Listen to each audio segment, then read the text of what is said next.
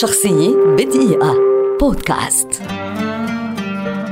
سيدني لوميت مخرج منتج وكاتب سيناريو أمريكي كبير ولد عام 1924 ويعد واحدا من أكثر المخرجين الأمريكيين غزارة في الإنتاج وأحد أبرز المخرجين على امتداد تاريخ السينما العالمية. دخل مسارح برودواي في الثلاثينات ليبدأ بعدها أولى خطواته السينمائية لكن كممثل في فيلم يدعى One Third of Nation عام 1939 ليواصل بعدها اعتلاء مسرح برودواي ممثلا ومن ثم مخرجا وفي مطلع الخمسينات وقع لوميت عقدا مع مؤسسة CBS التلفزيونية. وقام عام 1952 بإخراج الكثير من حلقات مسلسل جرائم وتحقيقات Danger وعدة مسلسلات ناجحة ليصبح أهم مخرج تلفزيوني. التلفزيوني في تلك الحقبة. عام 1957 جاءت الفرصة التي طالما انتظرها لوميت عندما اختاره الممثل الأسطوري هنري فوندا لإخراج فيلم 12 Angry Men الذي نجح نجاحا باهرا على المستويين النقدي والجماهيري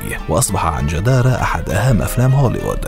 وتحول اليوم إلى أيقونة سينمائية خالدة وبقي أعظم فيلم قدمه لوميت في مسيرته ومن أعظم الأفلام في تاريخ السينما على الإطلاق. وتحقق حلم لوميت وقتها بالترشح للأوسكار وبأول عمل ينجزه للسينما وهذه تعد سابقة في حد ذاتها. وبعدها أمضى عقد الخمسينات بأفلام أقل مستوى باستثناء فيلم The Fugitive Kind عام 1959 الذي جمعه مع العملاق مارلون براندو.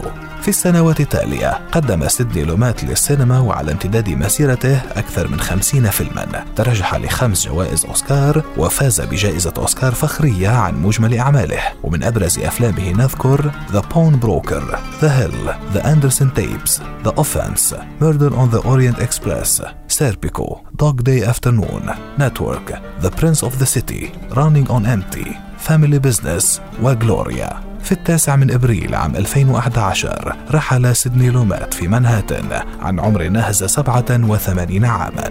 شخصية بدقيقة. بودكاست.